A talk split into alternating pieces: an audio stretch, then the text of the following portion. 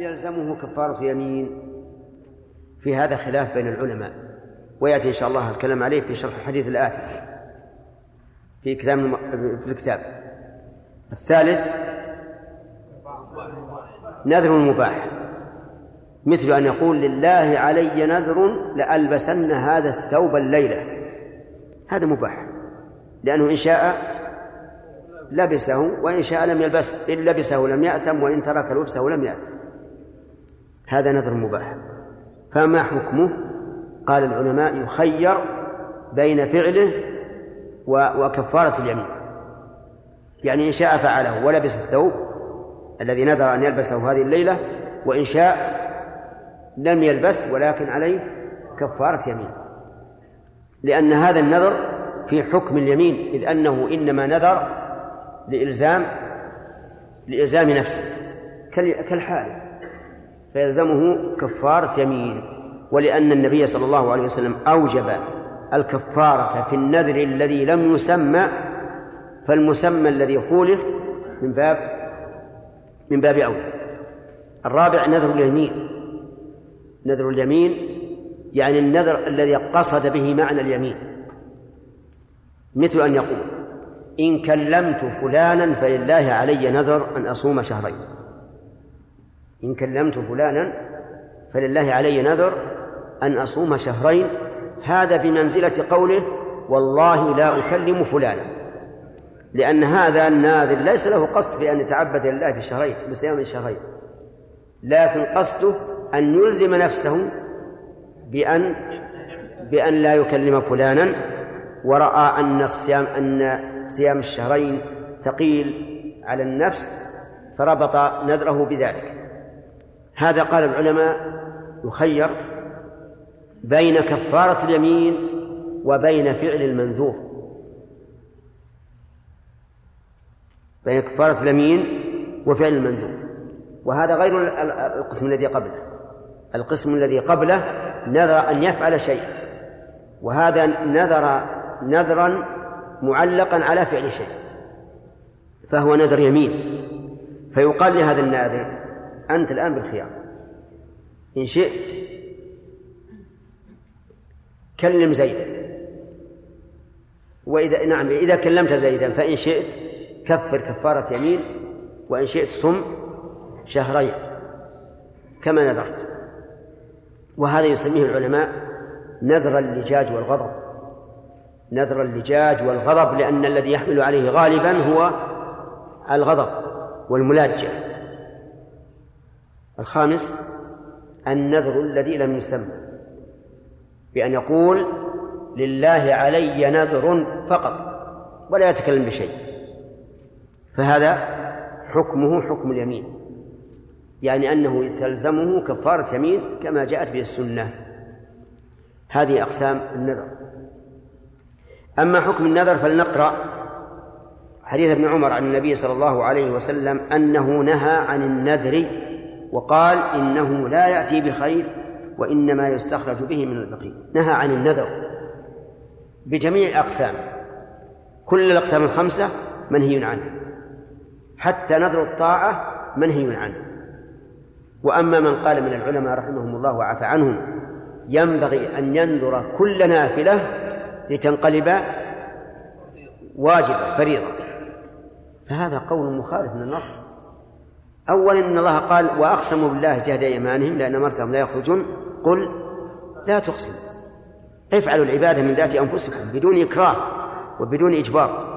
ثانيا كيف نقول إن النذر هنا سنة والرسول صلى الله عليه وسلم نهى عنه؟ لكن أكثر ما يؤتى الناس كما قال الإمام أحمد من القياس الفاسد. أكثر ما يؤتى الناس من القياس الفاسد. أو التأويل. هذا قياس فاسد. هذا قياس فاسد. لأنه كيف يقال للشخص إذا أردت أن تصلي راتبة, راتبة الظهر؟ قل لله علي نذر أن أصلي راتبة الظهر. علشان إيش؟ علشان يجب عليه الوفاء بها فيثاب عليها ثواب واجب. نقول سبحان الله. الله عز وجل يقول لا تقسم. طاعة معروفة. يعني عليكم طاعة معروفة بدون يمين وبدون إلزام للنفس. والرسول عليه الصلاة والسلام نهى نهى عن النذر وربنا سبحانه وتعالى يقول إن تنازعتم في شيء فردوه إلى من؟ إلى الله والرسول. إن كنتم تؤمنون بالله واليوم الآخر. ولولا أن هؤلاء العلماء الذين نقل عنهم ذلك لولا أننا نثق بأنهم مجتهدون لا يريدون إلا الحق. لكن فضل الله يؤتيه من يشاء. لقلنا إنهم آثمون بهذا القول.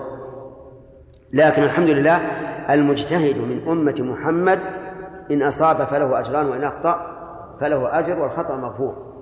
طيب يقول نهى عن النظر ثم علل النهي قال إنه لا يأتي بخير لأن بعض الناس ينذر لحصول خير أو اندفاع شر لحصول خير أو اندفاع شر. مثل من قال إنه نذر إن تزوج فلانة ليصومن سنة كاملة. مسكين هذا. أيام عرس يصوم سنة كاملة. هذا هذا من الخطأ. لكنه نظر لإيش؟ لحصول خير مطلوب. أما لزوال مكروه فهذا كثير. كثير من الناس كما قلت قبل قليل يكون عنده المريض آيسا منه ثم يقول إن شفى الله مريضي فلله عليك كذا وكذا فيشفي الله مريضه. وهل شفى الله مريضه من أجل نذره؟ أبدا. النذر لا لا يرد قضاء ولا يريد قضاء. النذر لا يرد القضاء ولا يريد القضاء أيضا كما أنه لا يأتي بخير. طيب كثيرا ما يوجد بعض الناس الآن مسكين وضعيف في الدراسة وآيس من النجاح. يقول لله علي نذر إن نجحت أن قول علمتم أنتم طلبة. إيش؟ أي نعم. لا بعضهم يكون فقير ما ما يجيب الصدقة لكن يجيب شيء آخر. الصوم أصوم أصوم شهرين أصوم ثلاثة أشهر. ثم إذا نجح جاء إلى عتبة كل عالم يسأل يتخلص. مشكلة. نقول يا أخي إذا أراد الله أمرا فإن النذر لا يأتي به. والرسول صلى الله عليه وسلم قال إنه لا يأتي بخير. وإنما قال ذلك لأنه كما قلت لكم أكثر الناذرين أو كثير منهم ينذر لحصول مطلوب أو زوال مكروه فيقول رسول النذر ليس يأتي بشيء. الذي يأتي بالخير ويصرف الشر هو الله عز وجل. أما النذر فلا. حتى لو فرض أنه صادف أن شفي من مرضه حين حين نذر نقول إن هذا الشفاء حصل عند النذر إيش؟ لا بالنذر لماذا لا نقول بالنذر؟ لأن الرسول يقول لا يأتي بخير ولم يفصل لا يأتي بخير فإذا قدر أنه شفي عند النذر قلنا هذا حصل عنده لا به كما يكون المشرك يدعو الصنم لحصول مطلوب وزوال مكروه ثم يحصل المطلوب ويزول مكروهه ويقول هذا من الصنم. يقول غلط. هذا ليس من الصنم. لأن ولكن حصل الشيء عند دعائك الصنم لا بدعائك إياه. لأن الله يقول ومن أضل ممن يدعو من دون الله من لا يستجيب له إلى يوم القيامة وهم عن دعائهم غافلون. وإذا حشر الناس كانوا لهم أعداء وكانوا بعبادتهم كافرين. ويقول عز وجل إن تدعوهم لا يسمعوا دعاءكم ولو سمعوا ما استجابوا لكم ويوم القيامة يكفرون بالشرك. كيف كيف يجيب الصنم لداعيه؟ لا هذا غير ممكن. فإذا قدر أنه حصل الشيء فنقول هذا حصل عنده لا به. ولا يقال إن هذا هو رأي الأشعرية الذين ينكرون تأثير الأسباب في مسبباتها. لأننا نحن نقول اعتمدنا على إيش؟ على أدلة من القرآن والسنة. إذن النذر لا يأتي بخير. لا يرفع مكروها ولا يجلب محبوبا. وإنما قال لا يأتي بخير وإنما يستخرج به من البخيل لأن البخيل ما لا ينفق. معروف. البخيل لا ينفق. أليس كذلك؟ طيب. لكنه إذا اضطر إلى إلى إلى الإنفاق حينئذ ينذر يقول إن شفى الله مريضي أو شفاني من المرض لأتصدقن بمئة ألف ريال. نعم.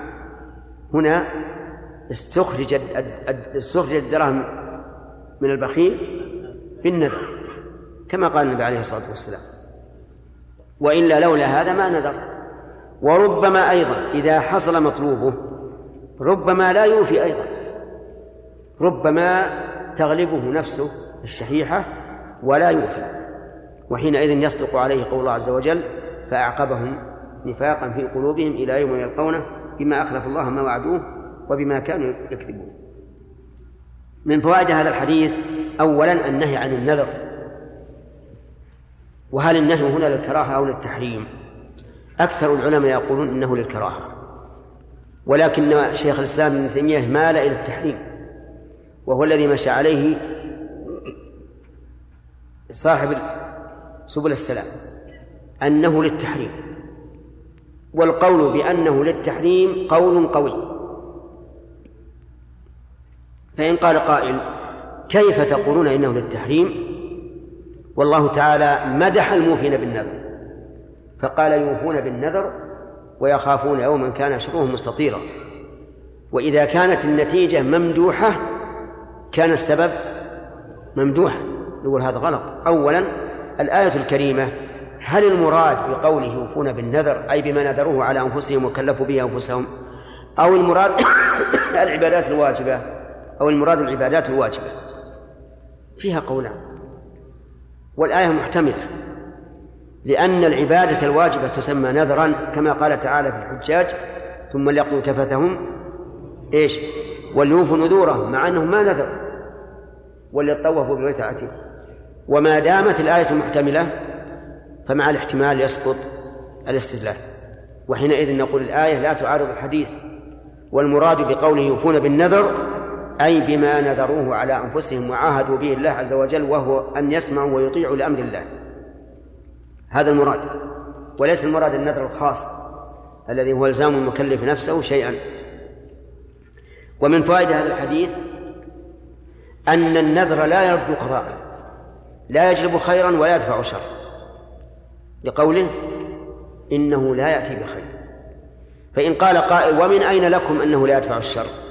قلنا إن دفع الشر خير. أليس كذلك؟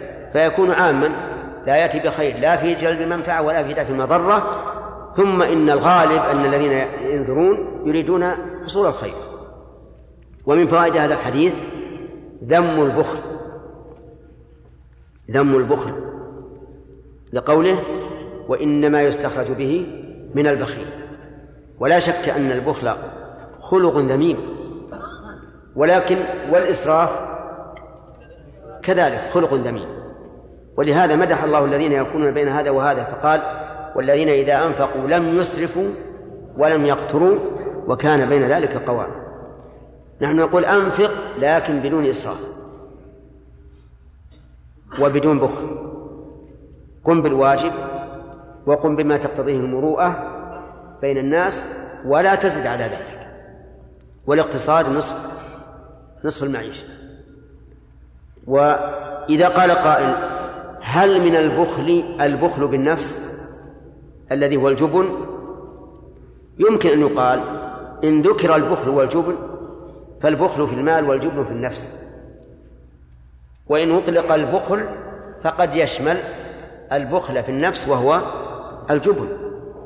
لأن بعض الناس يجود بماله ولا يهمه لكن لا يجود بنفسه. جبان.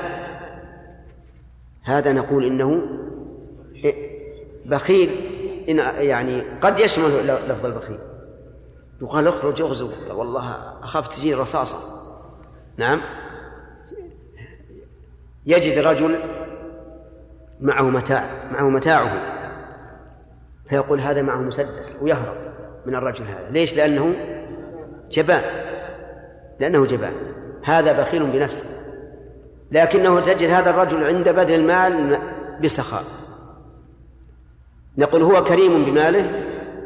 إيه بخيل بنفسه. لكن الذي الذي يظهر من الحديث أن المراد بالبخيل هنا البخل بالمال. بقوله وإنما يستخرج والذي يستخرج هو المال إنما يستخرج به من البخيل. طيب إذن في الحديث ذم البخل. وكما قلنا أنه ينبغي للإنسان بل يجب أن يكون إنفاقه بين بين بين بين البخل والإسراف. نعم. نعم. نعم هذا القسم ذكرنا عليه كفارة نعم. اصبر جزاك الله خير بيجينا بكتاب. بيجينا بكتاب. نعم. على إيش؟ اي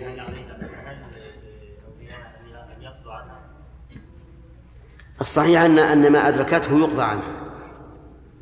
وما لم تدرك لا يجب عليها مثل لو نذرت شهرين وشرعت في الصيام في الحال لكن ماتت بعد شهر. فلازمها قضاء لا يقضى عنها الشهر الثاني.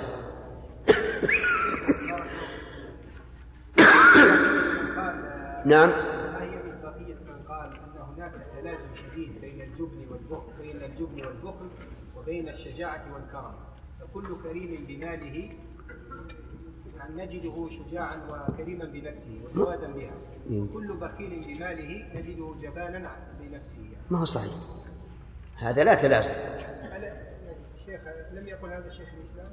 ما أدري والله لكن ما هو صحيح. في ناس كرمة في المال جبنة في النفوس وبالعكس. نعم.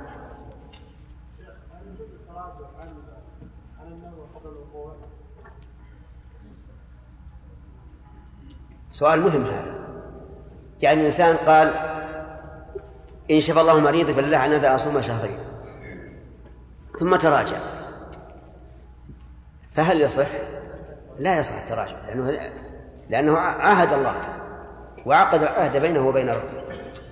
ونظير هذا من بعض الوجوه استطرادا لو أن الإنسان قال لزوجته إذا طلعت الشمس غدا فأنت طالب ثم أحب أن يتراجع.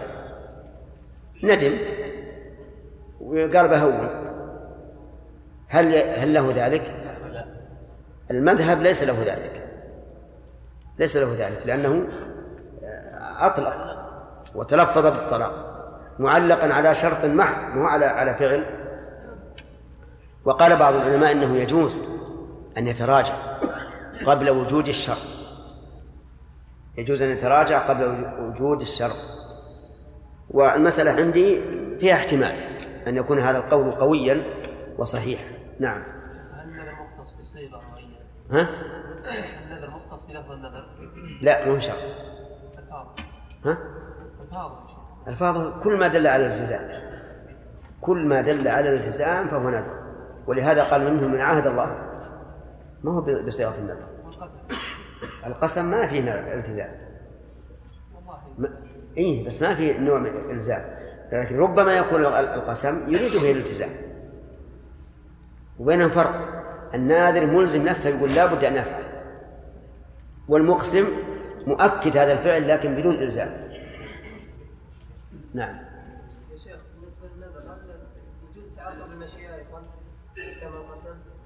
أي نعم. مثل القسم. إذا علقه بالمشيئة فإن شاء أوفى وإن شاء لم يوفى. خالد؟ إذا نذر من الطاعة وعلقه على معصية وحصلت المعصية لا حول ولا قوة إلا بالله. ما لقيت إلا هذا المثال يا خالد؟ نقول أولا لا تحصل المعصية. ننهاه عن ذلك. وإن لكن هذه الظاهر لي أن قصدها اليمين. مثل أن يقول والله لا أسرق. قصدي لا. لله علي نذر إن سرقت أن أصوم شهرين.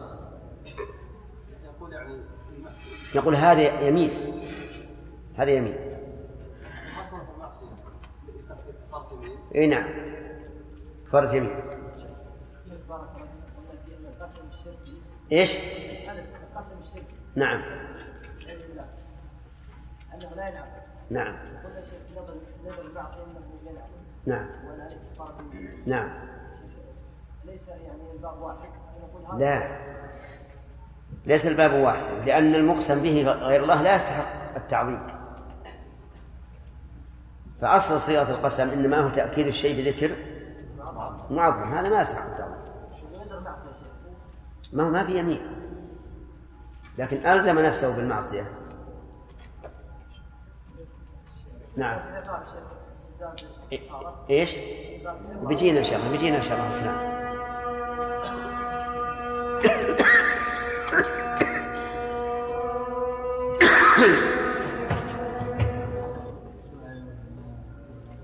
طه هذا الاسم من أسماء الرسول.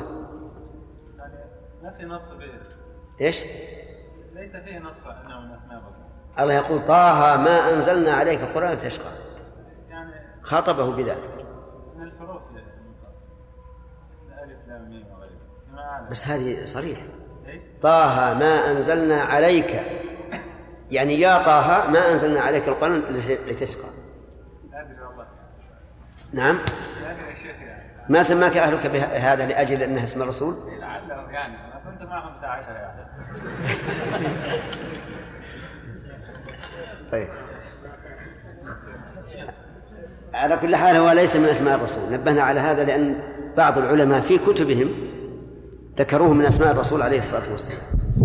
وهذا ليس بصحيح. والخطاب كقوله ياسين والقرآن الحكيم إنك لمن المرسلين. هل الرسول اسمه ياسين؟ نعم. نون والقلم وما يسطرون. ما أنت بنعمة ربك مجنون. هل اسمه نون؟ سبحان الله ثم أعلم أن أسماء الرسول عليه الصلاة والسلام كلها تحمل معنى. يعني هي أعلام وأوصاف. ما فيه اسم للرسول عليه الصلاة والسلام إلا ويحمل المعنى والصفة. كأسماء الرب عز وجل. أعلام وأوصاف. نعم. كيف نجمع بين كون النذر عبادة وبين كونه محرما أو مكروها؟ إيش؟ كيف نجمع بين كون النذر عبادة وبين كونه محرما أو مكروها؟ من قال لك إنه عبادة؟ الوفى به. عبادة لأنك عهدت الله فلا بد أن توفي كما لو عقدت بيع مع إنسان لا بد توفي. أن إيه، الله. لا هذا نذر له يتقرب به إليه. مثل أن ينذر أن يذبح للقبر أو للولي تقربا وتعظيما. ففرق بين المنذور له وبين النذر. النذر بالعب... النذر العباده لا يكون إلا لله. نعم. أي نعم. يحيى؟ إذا نذر على شيء مستحيل مثل أن قال لله علي نذرا أصلا في السماء. أي نعم.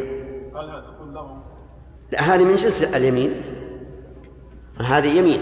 نقول إذا لم يصعد وله وليس بصاعد إلا إذا قصد الص- الصعود ولو بوسيلة كالطائرة فهو ياخذ تذكره ويطير. وإذا كان لا يقصد هذا نقول عليك كفارة يمين. نعم. نعم. طيب ما خلي ذكرنا ان قول الراجح هو تحريم النذر فاذا قال قائل ورد عن النبي صلى الله عليه وسلم أنه اضطر بعض الناذرين على ما نذر. نعم. ولم يبين لهم أنهم فعلوا شيئا محرما إيه. الرجل الذي جاء إليه وقال انه نذرت فتح الله الصوت ان اعتكف نعم. فالرسول قال جعلها هنا. وتمام الحديث. نعم. كيف نرد على هذا؟ هذا إيراد جيد. يقول أن الرسول عليه الصلاة والسلام جاءه رجل وقال إني نذرت إن فتح الله عليك مكة أن أصلي في بيت المقدس. قال صليها هنا. وهذا بعد الفتح السنة الثامنة. السنة بارك الله فيك مرتبط بعضها ببعض. فإذا سكت الرسول عن الإنكار مع مع هؤلاء فقد نهى عنه. في حديث آخر. فهي مرتبطة بعضها ببعض نعم.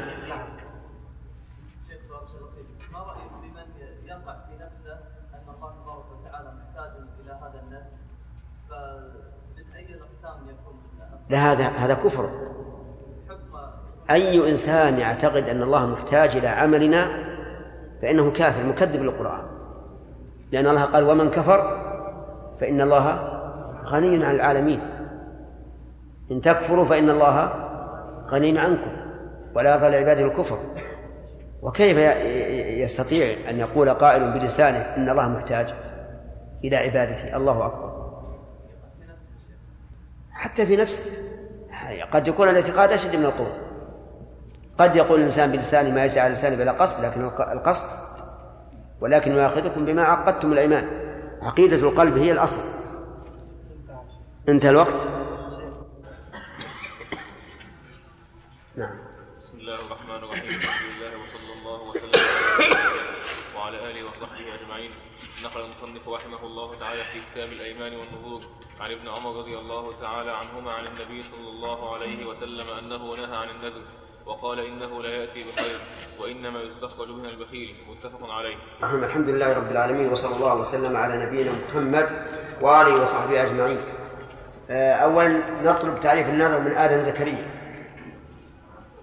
هو إلزام الإنسان هو إلزام المكلف نفسه بشيء لم يكن عليه. نعم. مثاله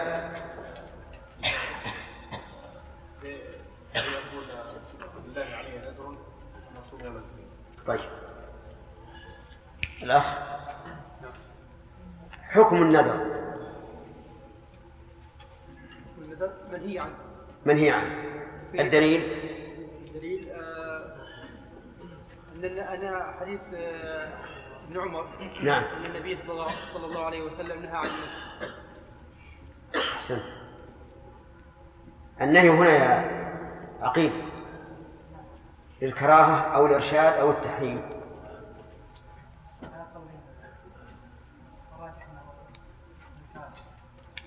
طيب. ما الذي ما الذي أخرج النهي عن أصله؟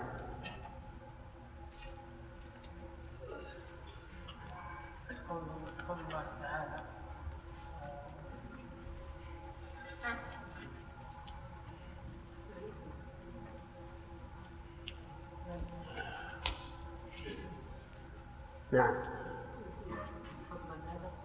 انه على قولين الأول انه قال أكثر قلت الثاني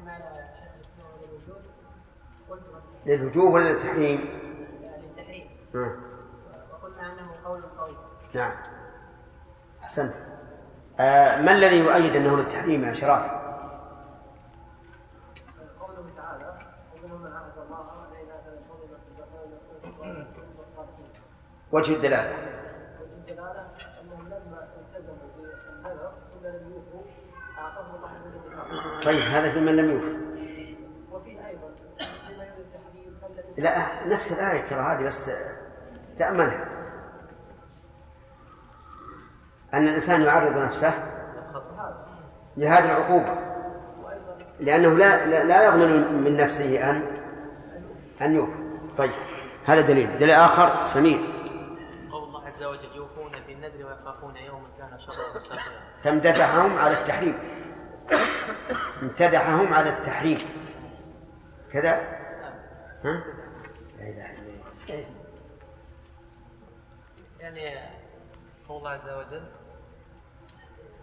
كلمة يوفون بالنذر هي مدح ولا قدح؟ مدح طيب نريد الدليل على تحريم النذر الدليل على ما أن النهي للتحريم لكن هذه الآية يعني نحملها على الع- على إيش؟ على العبادات فعل العبادات الواجب.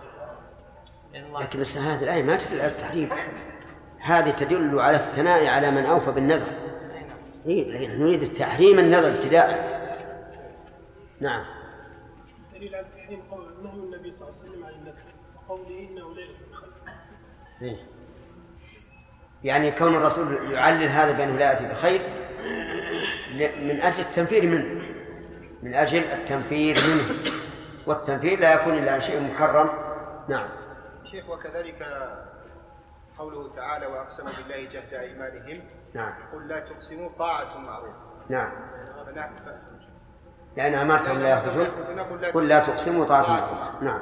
فهذا فيه يعني نهي على ان إيه. نهاهم على أن يكون على كل حال لا شك أن القول بأنه حرام قوي جدا. ولهذا نرى كثيرا من الناس الآن يسألون كثيرا كثيرا. ينذرون ثم يطرقون باب كل عالم لعلهم يجدون مخلصا. والإنسان في عافية. طيب. ما وجه قوله وإنما يستخرج به من البخيل؟ أن البخيل هو الذي لا ينفق المال إلا إذا اضطر إليه. نعم. هذا الناذر لم يفعل ما نذره إلا إذا اضطر إليه واحتاج إليه أن يدفع به شرا أو يجلب به خيرا لنفسه. يعني كأنه يحمله على الإنفاق. وإنما يستخرج من البخيل لأن البخيل لا ينفق. لكن إذا حاول نفسه الإنفاق ذهب ينظر طيب. أظن قرأنا حديث عقبة بن عامر ها؟ ما قرأنا؟ طيب بسم آه، أقسام النذر نعم. نظر المعصية إيش؟ طاعة. معصية. مباح. مباح يمين. لم يسمى كم هذه؟ خمسة أقسام. طيب ما حكم الوفاء بنذر الطاعة؟ الأخ. أي نعم.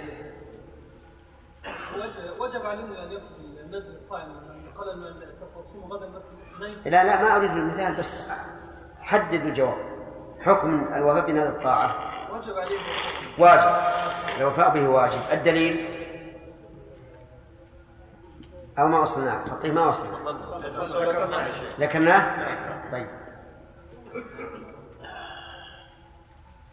الدليل بن عوض قوله صلى الله عليه وسلم من نذر ان يطيع الله فليطعه نعم طيب. لو قال قائل هذا الأمر ليس للوجوب فهل يمكن أن ندفع هذا القول؟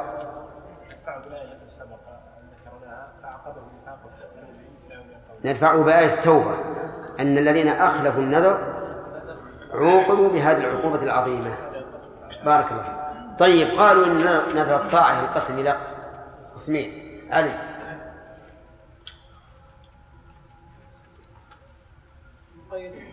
مطلق ومقيد. طيب. آه المقيد مقيد بإيش؟ شرط. مثاله لله عليه نذر إن شفى الله مريضي.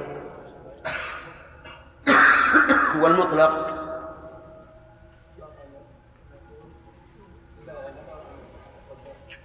طيب. لله عليه نذر أن أصوم ثلاثة أيام. الثاني نذر محرم. عبد الرحمن؟ حكمه حكم الوفاء به. حكم الوفاء بنذر المحرم. يحرم يحرم. يحرم الوفاء به. فالدليل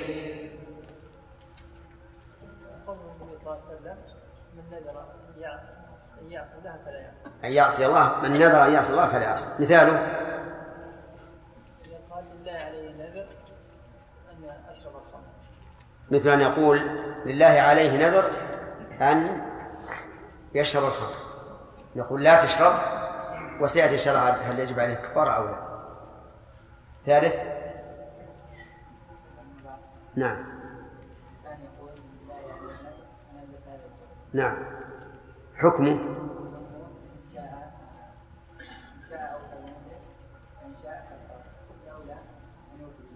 نعم.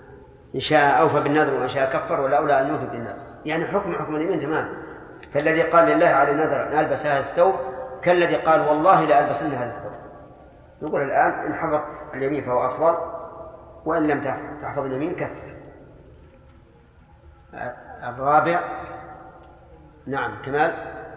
نذر اليمين. نذر اليمين. وهو ما ارتبط بيمين. مثل. مرتبط لازم مرتبط بيمين.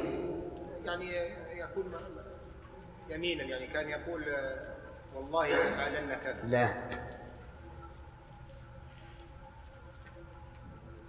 سمير. مثل قول قوله لا أكلم فلا- فلانا. لو كلمت فلانا لله عليه لأصومن كذا. علق الفعل علق النذر بفعل. نعم. وليس قصده الطاعة. إيه. يعني منع أن ينذر شيئا من أجل أن يمتنع عما نذر عليه عن فعله أو عن تركه. يعني لأن هذا لأن هذا معناه معنى اليمين. مثاله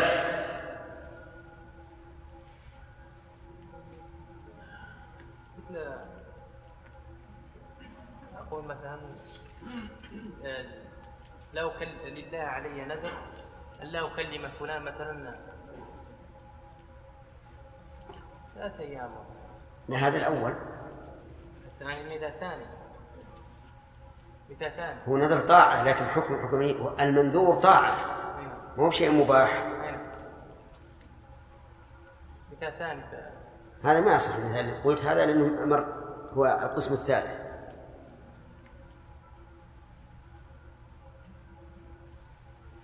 لو كان لا. لو كلم مثلا لو كلم لو كلم فلان. ما حضرت الظاهر. لا حضرت. أجل يمكن إنك مريض ذاك الليل ولا إيش؟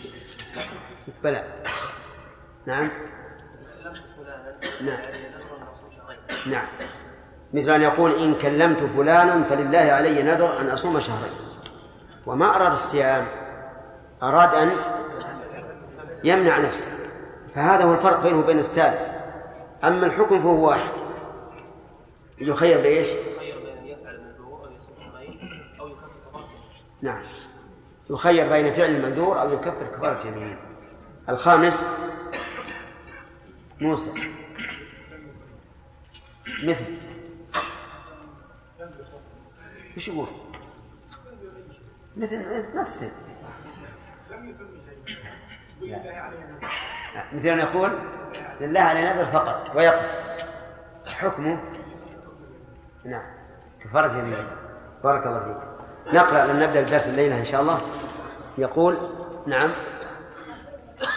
إيش؟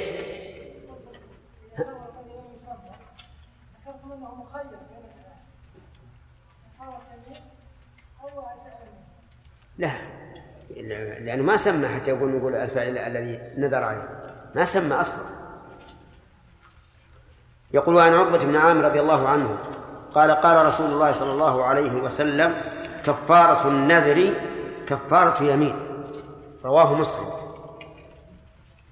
قوله كفارة النذر كلمة النذر هنا هل هي ال فيها للعموم؟ أو المراد نذر معين؟ قال بعض أهل العلم إنها للعموم ولكن هذا ليس بصحيح. وحتى لو قلنا إنها للعموم فإنه يخصص منها نذر الطاعة فإنه لا يجزئ فيه كفارة اليمين بل لا بد من فعل المنذور. لقول النبي صلى الله عليه وسلم من نذر أن يطيع الله فليطيعه وقوله كفارة النذر كفارة يمين ظاهره العموم كما قلنا فيشمل كل نذر. لكن رواية لكن رواية الترمذي إذا لم يسمه تقيد هذا النذر. يعني النذر الذي لم يسمه بأن قال الإنسان لله علي نذر وسكت. نقول الآن عليك كفارة يمين والحكمة والله أعلم من ذلك من أجل أن يحترم الإنسان النذر حتى لا يعود وحتى لا يكون النذر على لسانه وحتى يبتعد عن الصيغ التي تقتضي إلزامه بما لم يلزم الله به. وهذا هو القسم الخامس على حسب ما شرحنا أول. فيستفاد من هذا الحديث أن كفارة النذر إذا لم يسمى كفارة يمين. ومثاله ما ذكرناه لله علي نذر فقط. ولأبي داود من حديث ابن عباس رضي الله عنهما مرفوعا من نذر نذرا لم يسمه فكفارته كفارة يمين. وهذا شاهد لرواية الترمذي. التي قيدت رواية مسلم إذا لم يسمى ومن نذر نذرا في معصية فكفارته كفارة يمين. يعني من نذر نذر معصية فكفارته كفارة يمين. ولا يحل له أن يوفي به لأن الوفاء به ممتنع شرعا. وسواء كانت المعصية فعل محرم أو ترك واجب. فمن قال لله علي نذر لله عليه نذر أن لا يصلي الجمعة. فنقول هذا إيش؟ نذر معصية. لأن صلاة الجمعة واجبة عليه إلا لعذر. فنقول إذا يجب عليه أن يصلي ويكفر كفارة يمين. ومن قال لله عليه عليه نذر أن يشرب الخمر نقول لا تشرب الخمر. وعليك كفارة يمين. فإن قال قائل إنه ثبت عن النبي صلى الله عليه وسلم أن- أنه قال من نذر أن يعصي الله فلا يعصه ولم يذكر كفارة وهذا رواية البخاري وغيره. من نذر أن يعصي الله فلا يعصي وليس في هذه كفارة قلنا إنه لا معارضة. لأن رواية البخاري تفيد هل هل يفعل أو لا يفعل.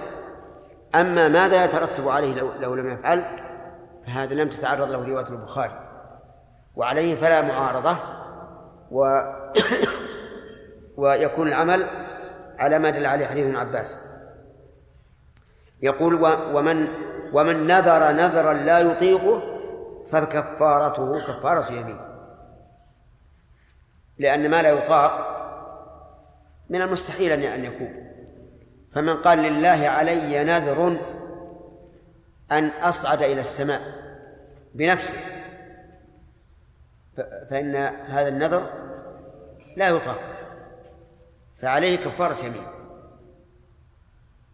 لكن ينتظر حتى يرى هل يستطيع أو لا أو لا ينتظر. ليش؟ لأن لا فائدة من الانتظار. هذا شيء مستحيل. ومن نذر نذر لا يطيقه فكفارة كفارة يمين. هذه ثلاث ثلاثة نذور. الأول الذي لم يسمى والثاني المعصية والثالث النذر الذي لا يطاق. كلها كفارتها كفارة يمين. وكفارة اليمين بينها الله تعالى بيانا شافيا كافيا في سورة المائدة في قوله تعالى فكفارته إطعام عشرة مساكين أو كسوتهم أو تحرير رقبة. هذه ثلاثة على التخيير. فمن لم يجد فصيام ثلاثة أيام متتابعة كما في قراءة ابن مسعود رضي الله عنه. فتكون الثلاث الخصال الأولى على التخيير. ويبدأ بماذا؟ يبدأ بالأسهل. كما بدأ الله به. بدأ الله تعالى بالإطعام. لأنه أسهل. طعام عشر مساكين. ثم بالكسوة لأنها أصعب. ثم بعتق الرقبة. لأنها أشق. فإن قال قائل كيف تعادل يعادل إطعام عشر مساكين أو كسوتهم بعتق الرقبة؟ فالجواب من وجهين. الوجه الأول أنه قد يأتي زمان تكون الرقبة رخيصة. والطعام والكسوة غالية.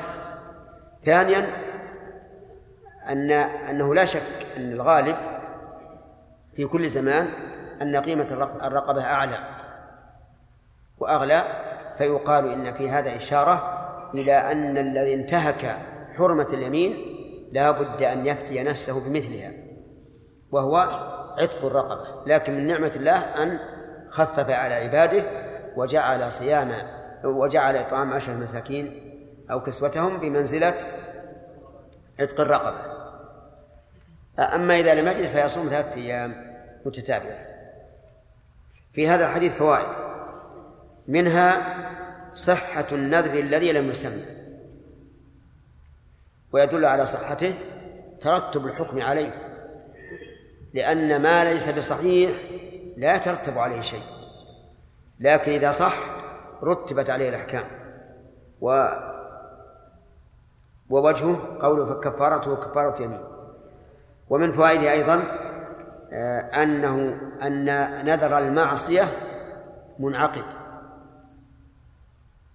منعقد ولكن لا يجوز الوفاء به بل يكفر كفارة يمين. ووجه ذلك ظاهر لأنه إذا كان النذر الذي لم يسمى فيه كفارة اليمين فنذر المعصية التي الذي يحرم الوفاء به من باب أولى. ومن فوائد الحديث تقديم طاعة الله على هوى النفس. بقوله فكفارة كفارة يمين يعني ولا يعصي الله. مع أن الرجل الذي نذر أن يفعل المحرم إنما نذره لأن نفسه تهواه. فيقال له رضا الله فوق هواك. خالف الهوى وكفر كفارة يمين ومن فوائد الحديث أن النذر أن نذر المستحيل منعقد. نذر المستحيل منعقد. ولكن فيه كفارة يمين. بقوله ومن نذر نذرا لا يطيقه ومن فوائد هذا الحديث أن الطاقة وعدمها تختلف باختلاف الناس. فمن الناس من يطيق ما لا يطيق ما لا يطيقه آخر الآخرون. فكل إنسان بحسبه. والقاعدة أن من نذر نذرا لا يطيقه فإن عليه كفارة يمين ولا يكلف نفسه بذلك. ومن فوائد هذا هذا الحديث أنه شاهد لقول الله تعالى لا يكلف الله نفسا إلا وسعها. وقوله فاتقوا الله ما استطعتم. بدليل أن الإنسان لم يلزم بفعل المنذور إذا كان لا يطيق. بس ولكن عليه كفارة يمين وللبخاري من حديث عائشة رضي الله عنها من نذر أن يعصي الله فلا يعصيه. وفائدة هذه الرواية التي ساقها المؤلف التصريح بأن من نذر نذر معصية فإنه لا يجوز الوفاء الوفاء بذلك. لأن الحديث الأول حديث ابن عباس قد يقول قائل إنه يخير بين أن يكفر كفارة يمين وأن يفعل المعصية. لكنه في الحديث الثاني رواية البخاري عن عائشة بين أنه لا يجوز الوفاء بنذر المعصية. من نذر أن يعصي الله فلا يعصيه ويستفاد منه ما سبق من أن الواجب تقديم ما يرضاه الله عز وجل على ما تهواه النفس.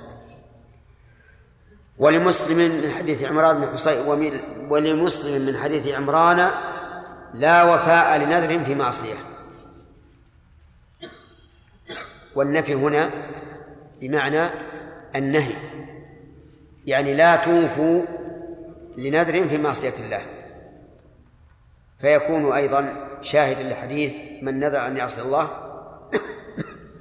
فلا يعصيه. وعن عقبة بن عامر رضي الله عنه قال نذرت أختي أن تمشي إلى بيت الله حافية فأمرتني أن أستفتي لها رسول الله صلى الله عليه وسلم.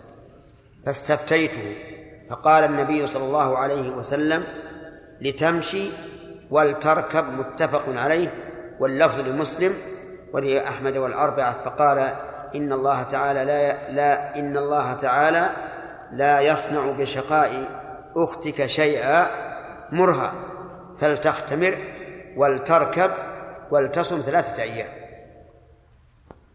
قول نذرت أختي لم يبين في الحديث من هي ولكن هذا ليس بلازم أن نعرف صاحب القضية.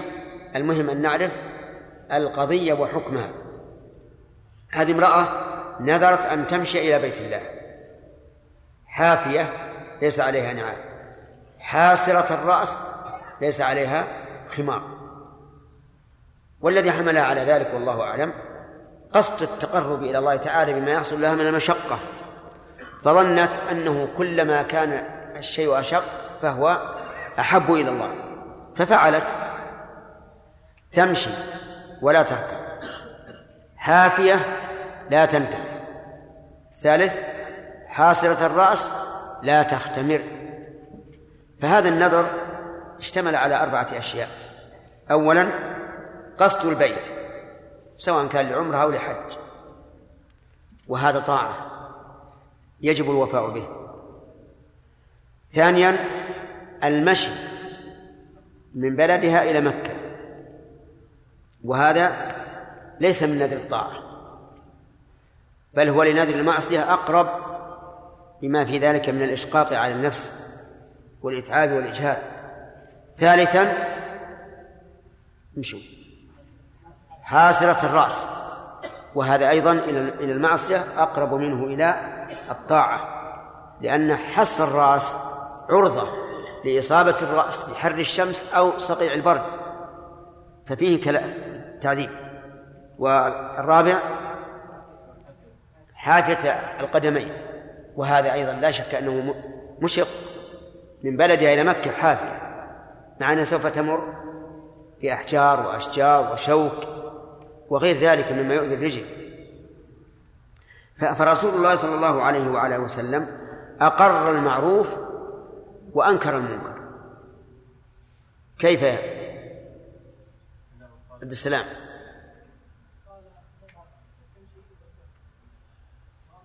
ما الذي أقره من هذا النذر؟ المشي. ما ما ما نذرت أن تمشي. نعم. صحيح. الذهاب إلى بيت الله الحرام أقره الرسول عليه الصلاة والسلام. لكن الأوصاف الأخرى لا. قال فقال لتمشي ولتركب. لتمشي ولتركب. اللام هنا لام الأمر لا شيء. ولكن هل هو للوجوب أو للإباحة؟ أما قوله لتركب فهو للإباحة. لأنها نذرت أن تمشي حافية.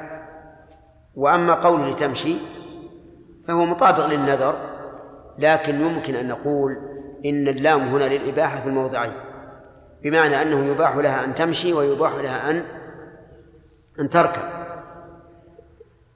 ويمكن أن يقال إنها للطلب في الموضعين أيضا يعني لتركب أحيانا ولتمشي أحيانا ويكون ركوبها عند الحاجة ومشيها عند عدم الحاجة. بمعنى إذا احتاجت إلى الركوب فلتركب لأن هذا النذر لا يطاق.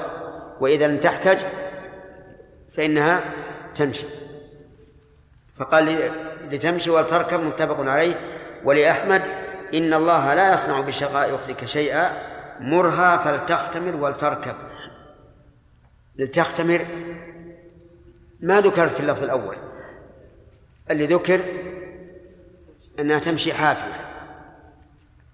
لكن كأنه والله أعلم أنه حذف من أحد اللفظين ما يدل عليه اللفظ الآخر. فحذف من حذف من الأول أنها تمشي حاسة الرأس. وذكر جوابه بقوله ولتختمر. وذكر في الأول أنها تمشي حافية ولم يذكر حكمه في اللفظ الثاني لكنه لا شك أنه نظير. إيش؟ لا شك أنه نظير آه، حس الرأس بمعنى أنها تمشي ناعلة ولا, ولا شيء عليه. ولكن قال ولتصم ثلاثة أيام. صوم ثلاثة أيام لأجل ما تركت مما نذرت وهي الآن تركت ثلاثة أشياء. هي؟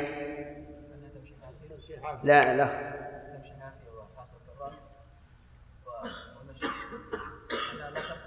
نعم. طيب هذه تركتها مما نذرت. وحكم النذر إذا لم يوفى؟ أن فيه كفارة يمين. لكن هنا قال ولتصم ثلاثة أيام. نقول هذا ليس حكما عاما.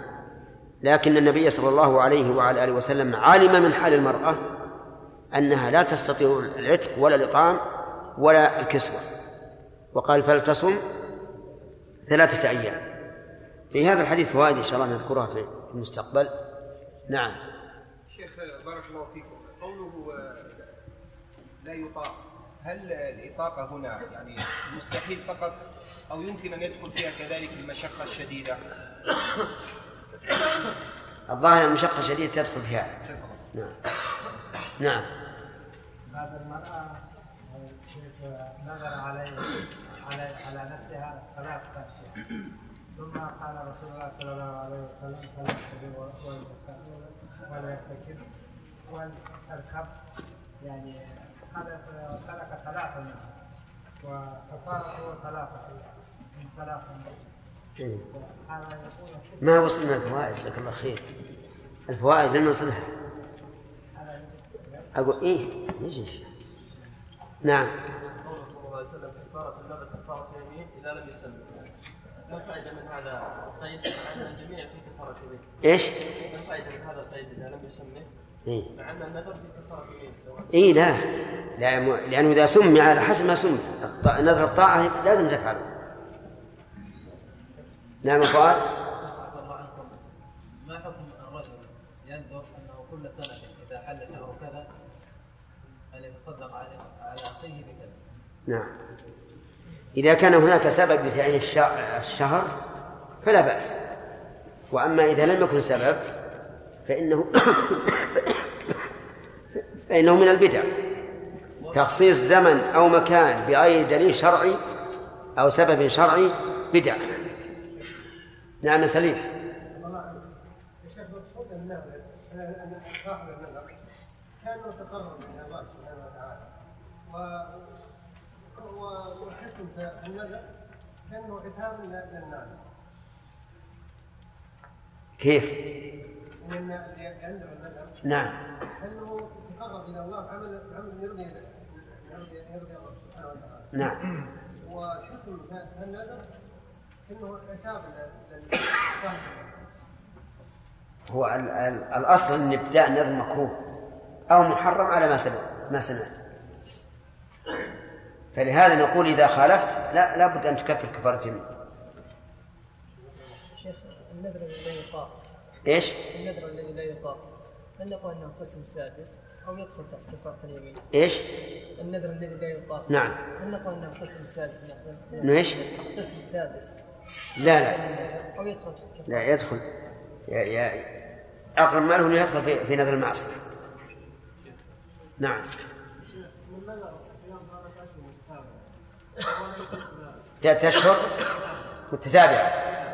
ولا كفارة؟ اليمين. أي نعم. يدخل في هذا. يدخل في هذا. ولو قال قائل نقول صمها ولو متفرقة حسب حسب قدرتك لأن تفريقها مقدور عندك. فافعل المقدور وكفر عما لا تقدر. كما أرسل كما أفتى الرسول عليه الصلاة والسلام هذه المرأة بأن تركب وتمشي. لو قيل بهذا لكان له وجه. لا ما يطعم إلا إذا قلنا كفارة يمين. كفارة اليمين عرفت أن فيها طعام نعم. كيف؟ ما يصوم شهر يقدر يصوم شهرين شهر ما يصوم يطعم 30 مسكين الشهر يعني لا, لا. ما يصلح نعم. يلا حيا أحسن الله إليك. لو قال لله علي نذر أن أحج هو لا يستطيع. أي نعم نعم. هل يكون هذا هل عين؟ نعم أنا حجة هذا العام. ما عين. إذا متى ما قدر يحج؟ إذا عين.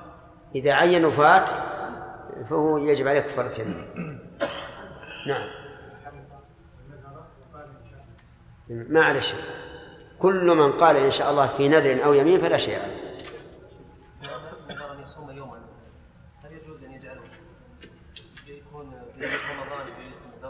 قضى يعني. ما ما قال اليوم الفلاني يعني بجاء أول يوم من رمضان عن هذا. ما يصلح ما يجوز. ما يخالف نقول صوم أي وقت. لكن كون تجعل الفريضة الواجبة بأصل الشرع هذا غير صحيح. إلا إذا كان من نيته. قال الله أنا نذر أن أصوم يوما يعني في رمضان نوى فالأعمال بالنيات نعم.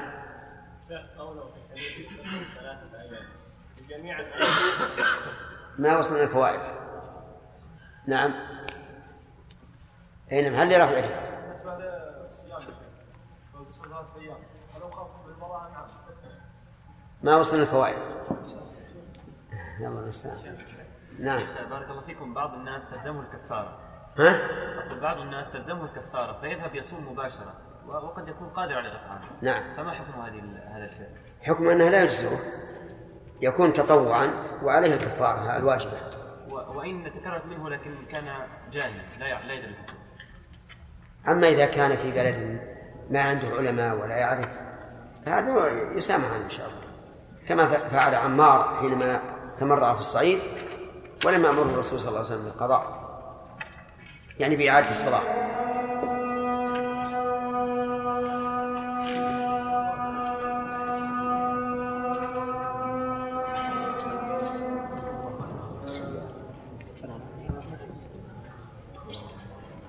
اللهم رب هذه الدعوة التامة والصلاة القائمة آت محمد الوسيلة والفضيلة والرسول إذا نذر نذرا معين إلى مكان معين. ولم يستطع هو أن ما استطاع أن يوفي بحمد ذلك المندوب سيأتينا إن شاء الله نذكر في الأصل في الكتاب نعم جزاكم الله خير و- وشك في نذره هل هو نذر ولا ما نذر؟ وش الأصل؟ وش الأصل أصل السائل؟ اصله وش الأصل؟ اصله يعني هل نذر ولا ما نذر؟ شك يعني. أي وش الأصل النظر ولا ما نظر؟ يعني اصله هو مشك. شاك الآن. لكن هل الأصل أنه نادر ولا أنه ما نذر؟ ما نذر. ما نذر. إب- ابن على الأصل. مر علينا هذا في القواعد. شرحناها لكم. نعم. يا شيخ إذا تعارض بالنذر بطاعة الوالدين. إيش؟ إذا تعارض الوفاة بالنذر بطاعة الوالدين. نعم. أن يذهب إلى الجهاد ثم يعني لم له والده. نعم. هل يلزم الوفاء؟ الظاهر أنه يلزمه الوفاء. لأنه الوفاء بالنذر واجب. إلا إذا كان يتوقف بر الوالدين على بقائه فهنا بر الوالدين أو- أوجب. يدع الجهاد ويكفر كفارة يمين نعم. هناك يا شيخ الله فرق بين من يقول آه، نذرت أن نذرت لله أن أصوم شهرا أو نذرت أن آه، أصوم 30 يوما. هل هناك بين فرق؟ يعني أي بينهما فرق.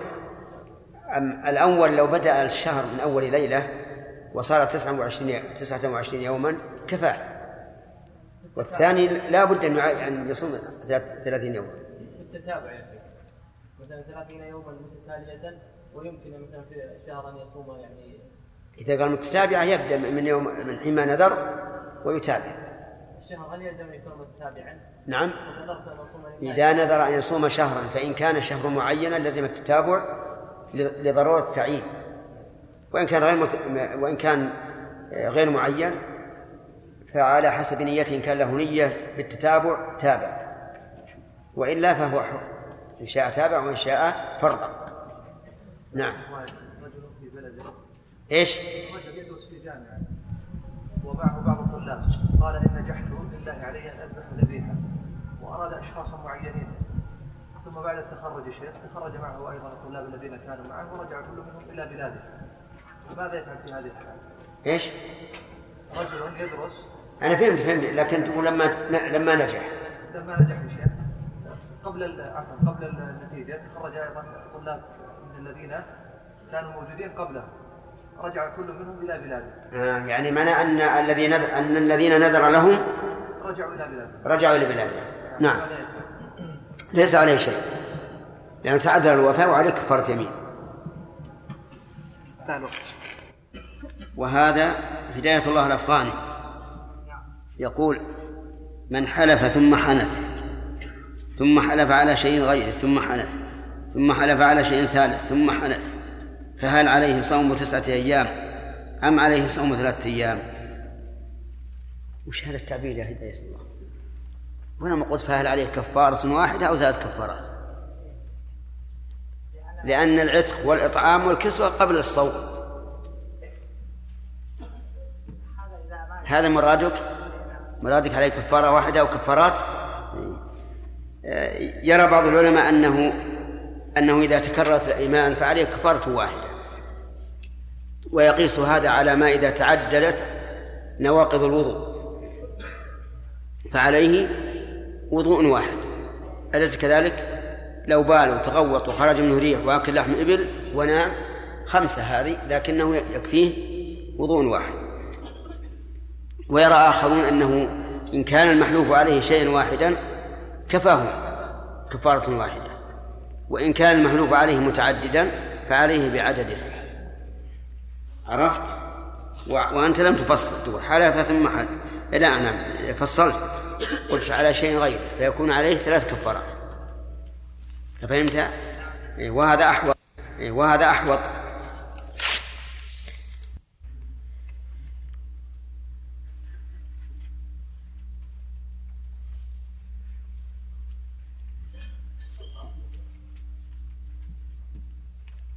وش طويل هذا وش وش خلاصته؟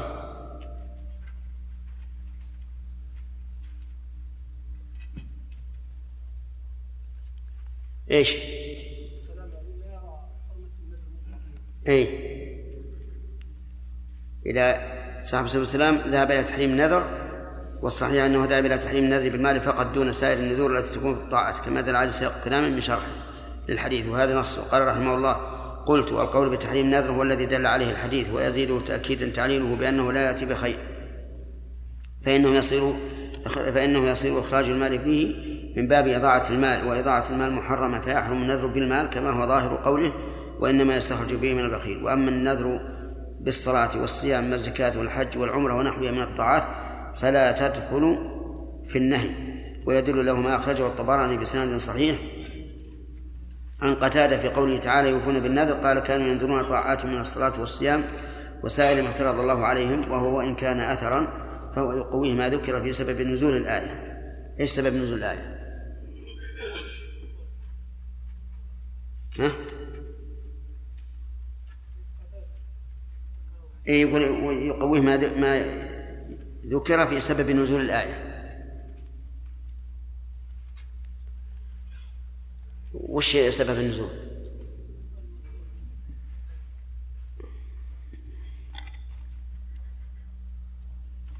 على كل الرسول عليه الصلاة والسلام علل النهي عن النذر بعلتين. فمرة قال إنه إنما يستخرج به من البخيل ومرة قال إنه لا يرد قضاء. وهذا يدل على أن النذر المعلق اللي إن شفى الله مريضا أو ما أشبه ذلك هو المنهي عنه لأنه لا يرد قضاء لا يجلب خيرا ولا يدفع شرا. والقاعدة تقتضي أن القول بالتحريم قول سواء بالمال أو بغيره. لكن الجزم بالتحريم إنسان لا يكاد يجزم به. مطلقا.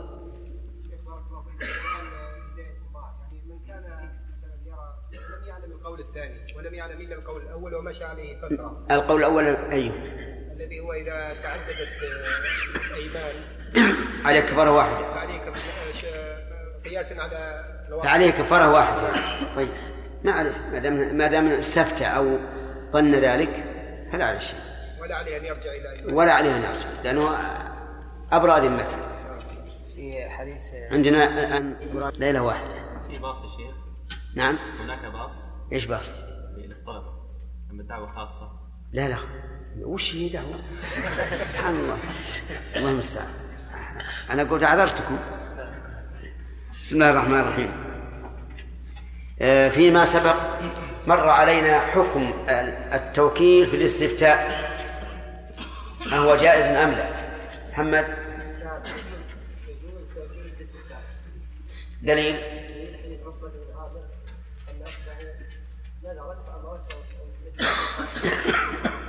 هل تحفظ قصة أخرى مثلها؟ ما هو؟ حديث علي بن ابي طالب رضي الله عنه قال كنت رجلا دجال فاستحييت ان اسال رسول الله صلى الله عليه وسلم امرت مقداد فساله فقال فيه الوضوء. تمام. طيب. آه، من نذر أن أن يمشي إلى المسجد الحرام حافيا فما حكمه؟ حكم انه اذا يعني كان المشي طبعا فيه مشقه في من فيمشي ويركب يكون له سياق الجحال نعم يمشي ويركب يقول امشي واركب ولكن ولكن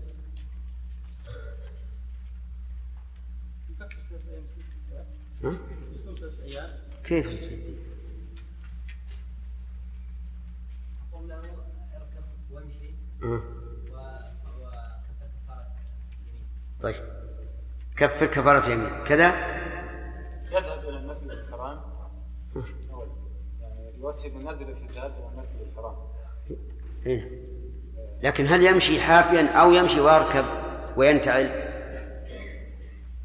هذا السؤال والأخوان أجابوا جواب صحيح.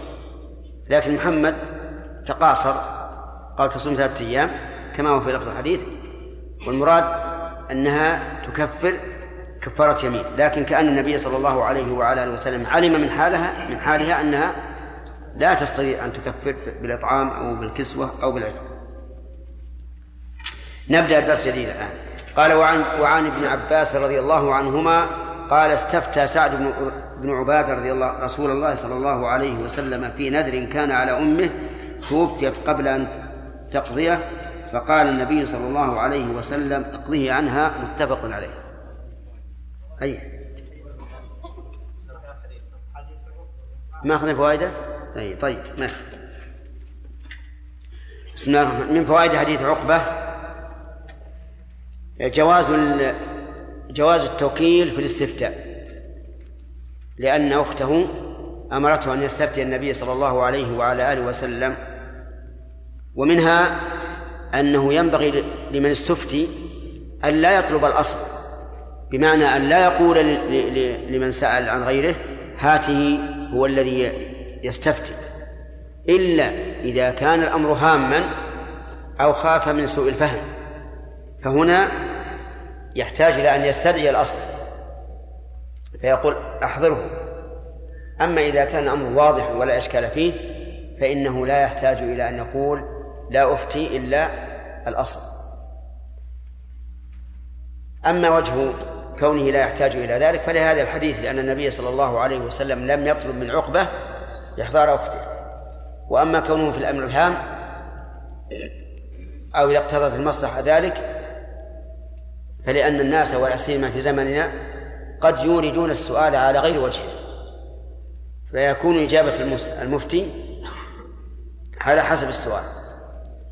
وقد يوردونه على وجهه ويفهمون خلاف ما يريد المجيب المفتي. فيحصل بذلك خطأ كبير ولا سيما في مسائل الطلاق التي يختلف حكمها باختلاف نية المطلق. ومن فوائد هذا الحديث أن من نذر نذرا لا يطيقه بوصفه فليفعل أصله وليكفر عن وصفه. وذلك أن النبي صلى الله عليه وعلى آله وسلم أمرها أن تأتي إلى البيت الحرام لكن على غير الوجه الذي نذرت وأمرها أن تمشي وت... أن تمشي وتركب فهنا وجب الوفاء بالأصل وكفر عن إيش؟ عن الوصف.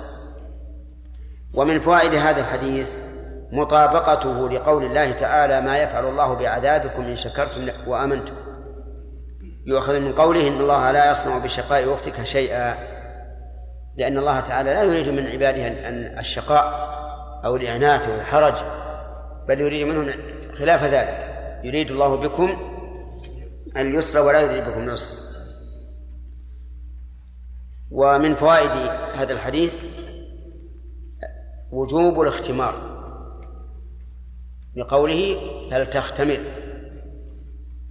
وهذا قد ينازع فيه إذ أن الأمر بعد الاستفتاء يراد به الإباحة. فإذا كان يراد بالإباحة لم يستقم القول بأن هذا دليل على وجوب الاختمار. لكن وجوب الاختمار يؤخذ من أدلة أخرى. أن المرأة عليها أن تختمر.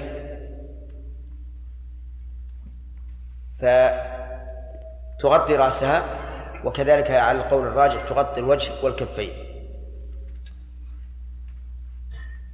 وهل يستفاد من هذا جواز ركوب المرأة على الراحلة؟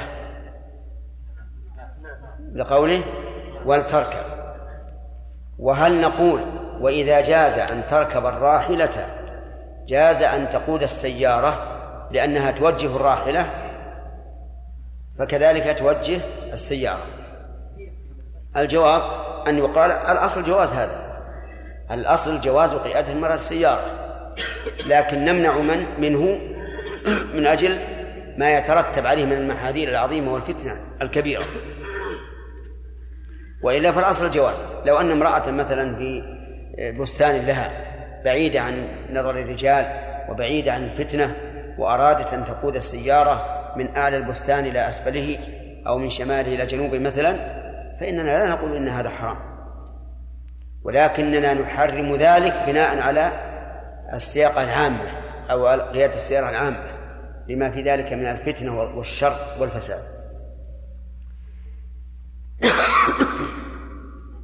ومن فوائد الحديث من فوائد الحديث قيام الأفعال الاختيارية في الله عز وجل لقوله لا يصنع.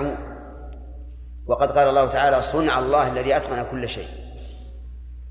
فيجوز أن يوصف الله بالصنع وبأنه صانع ولكن لا يسمى به لأن الأسماء كلها حسنى والصانع ليس متمحضا في الحسن بل الصانع يصنع الخير ويصنع الشر. وعن ابن عباس رضي الله عنهما قال استفتى سعد بن عبادة رسول الله صلى الله عليه وسلم في نذر كان على أمه توفيت قبل أن تقضيه فقال اقضه عنها متفق عليه. سعد بن عبادة رضي الله عنه هو سيد الخزرج وسعد بن معاذ هو سيد الأوس وكلا السعدان لهما منزلة عالية. ولكن سعد بن معاذ أفضل من سعد بن عبادة وكلاهما ممن له منزلة عالية في الإسلام. ويقول استفتى أي طلب منه أي طلب منه الفتوى لأن السين والتاء زيادتهما تدل على الطلب. يقال استفتى أي طلب الفتية استغفر أي طلب الاستغفار. وقد يراد بهما المبالغة مثل استكبر ليس معنى طلب الكبر ولكن المعنى أنه تكبر وزاد في كبريائه. وقوله استفتى في نذر كان على أمه هنا لم يبين النذر. هل هو صيام عتق حج؟ لأن تبيينه ليس بذاك الضرورة. فإن تبين فهذا لا شك أنه زيادة علم وإن لم يتبين فلا يضر. توفيت قبل أن تقضيه. أي أن تقضي هذا النظر فقال اقضه عنها متفق عليه. كلمة اقضه فعل أمر. لكنه هل هو على سبيل الوجوب أو على سبيل الإباحة؟ الثاني هو الأقرب. يعني لا بأس أن تقضيه عنها لأنه جواب عن سؤال يظن السائل أن ذلك ممنوع. فرخص له النبي صلى الله عليه وعلى آله وسلم ولأننا لو قلنا بالوجوب لزم التأثيم بالترك. وهذا يخالف قول الله تعالى ولا تزر وازرة وزر أخرى. ففي هذا الحديث فوائد. منها حرص الصحابة رضي الله عنهم على العلم. لا لا لمجرد العلم والنظر ولكن للتطبيق. فهم يسألون النبي صلى الله عليه وعلى آله وسلم الأسئلة ليطبقوها. وليس كما يصنعه كثير من الناس اليوم يسأل ينظر ماذا عند العالم.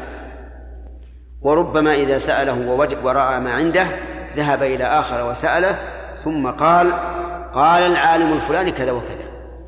فضرب آراء العلماء بعضها ببعض. ومن فوائد هذا الحديث جواز قضاء النذر عن الأم. جواز قضاء النذر عن الأم. لأن سعد بن عبادة استفتى النبي صلى الله عليه وعلى آله وسلم في نذر كان على أمه. فهل يقاس عليها الأب؟ الجواب نعم يقاس عليه الأب. وذلك أن الأولاد من من الكسب. والكسب كسب الإنسان كعمله.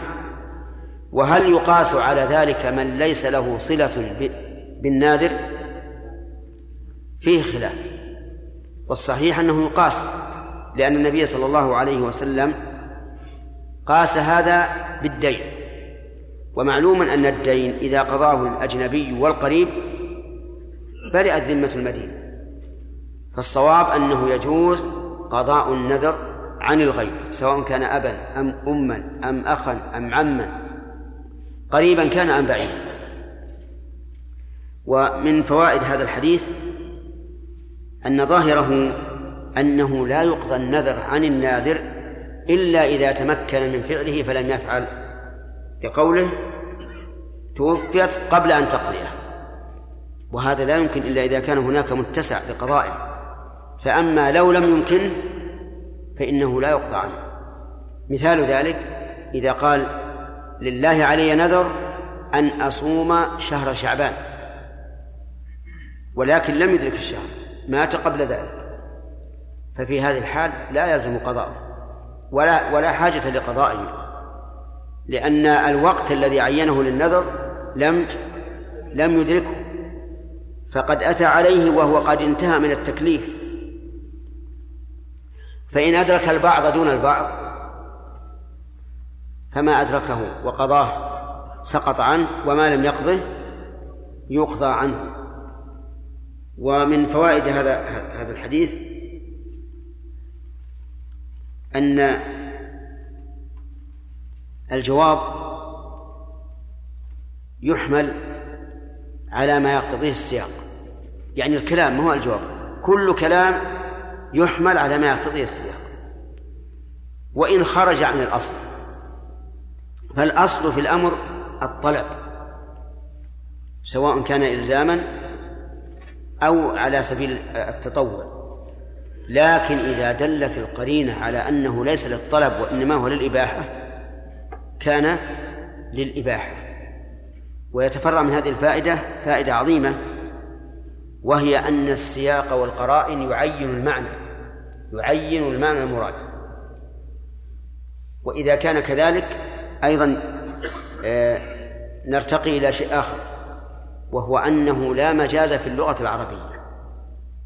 لا مجاز في اللغة العربية. وذلك أن كل نص ادعي فيه المجاز فإن سياق الكلام يمنع المعنى الأصلي الذي الذي يدعي من يقول بالمجاز أنه نقل عنه. لأن السياق هو الذي يعين المعنى. فمثلا قوله تبارك وتعالى وما كان ربك مهلك القرى حتى يبعث في أمها رسولا يتلو عليهم آياتنا. وما كنا مهلك القرى إلا وأهلها ظالمون. كل يعلم أنه ليس المراد بالقرى هنا الأبنية. ولا ولا أحد يشكل عليه هذا الأمر. وأما قوله تعالى إنا مهلكو أهل هذه القرية إن أهلها كانوا ظالمين فكل يعلم أن القرية هنا هي هي الأبنية لأنه قال مهلكو أهل هذه القرية أهل هذه القرية فأضاف الأهل إليها. فالسياق إذا كان هو الذي يعين المراد فإن المعنى الأصلي لو أنك فسرت به هذا الكلام الذي عينه السياق لكان هذا خطأ. وإذا فمدلول الكلام هو الحقيقة. سواء كان هذا اللفظ منقولا من غيره أو ليس بمنقول. ولهذا مشى شيخ الإسلام ابن تيمية رحمه الله وكذلك تلميذه ابن القيم على أنه لا مجاز في اللغة العربية. ومن العلماء من قال لا مجاز في القرآن وأما اللغة العربية ففيها المجاز. وعلل ذلك بأن من أكبر من أكبر علامات المجاز صحة نفيه صحة نفيه والقرآن ليس فيه شيء يصح نفيه. فلهذا نقول بمنع المجاز في القرآن ولا نقول بمنع المجاز في كلام امرئ القيس وغيره من من أهل اللغة.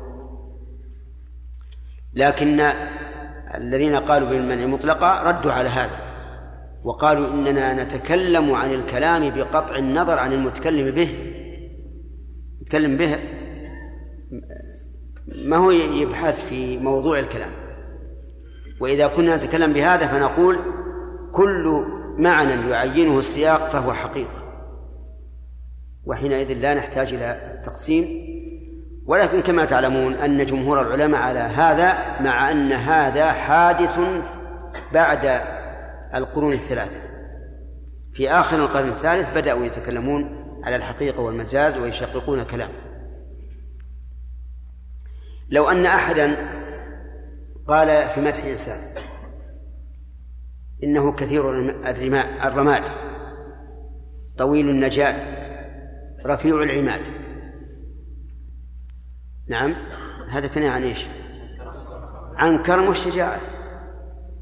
لو قال إنه كثير الرماد يعني أنه يحرق الحطب حتى أكثر الرماد. أحد يوافق على هذا؟ لا يوافق. إذا نعرف إن كثير الرماد يعني أنه كريم.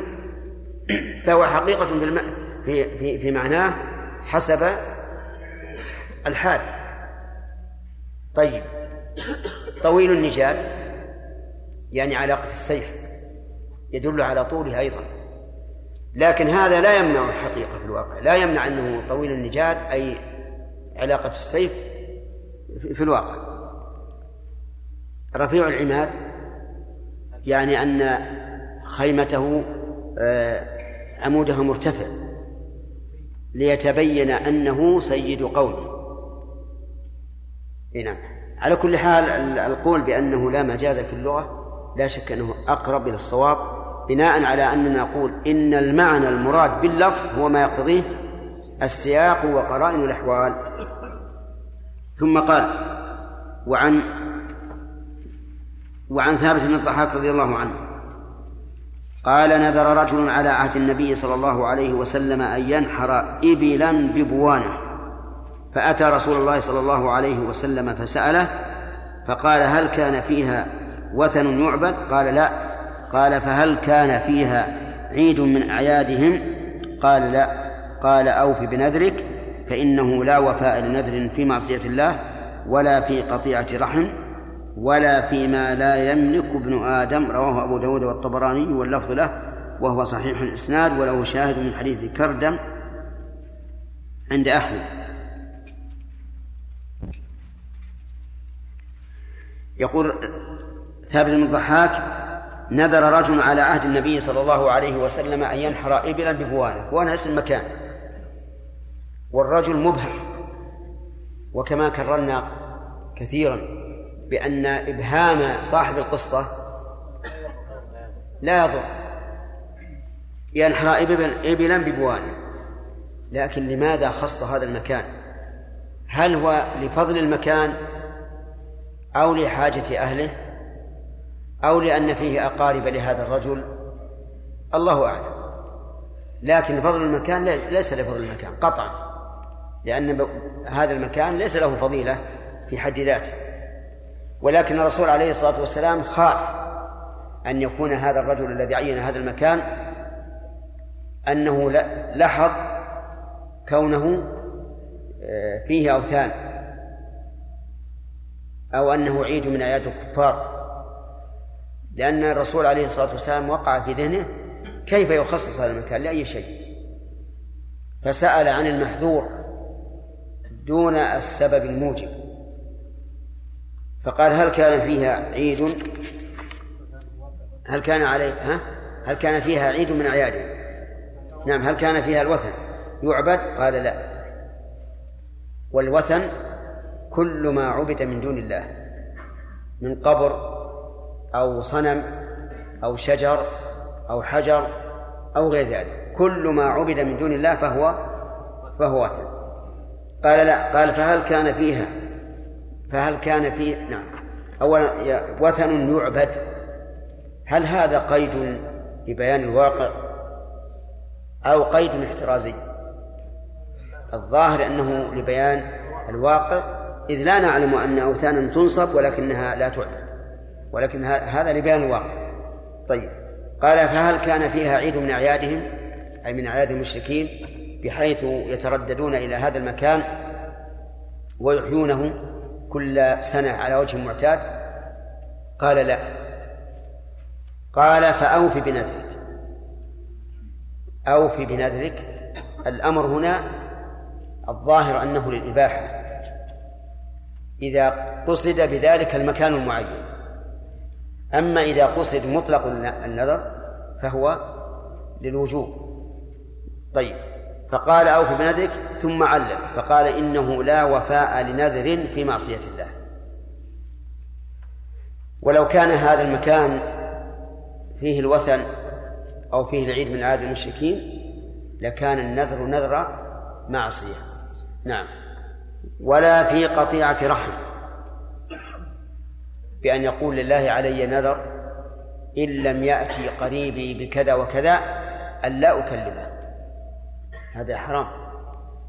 لأنه في قطيعة رحم. ومن هم الرحم؟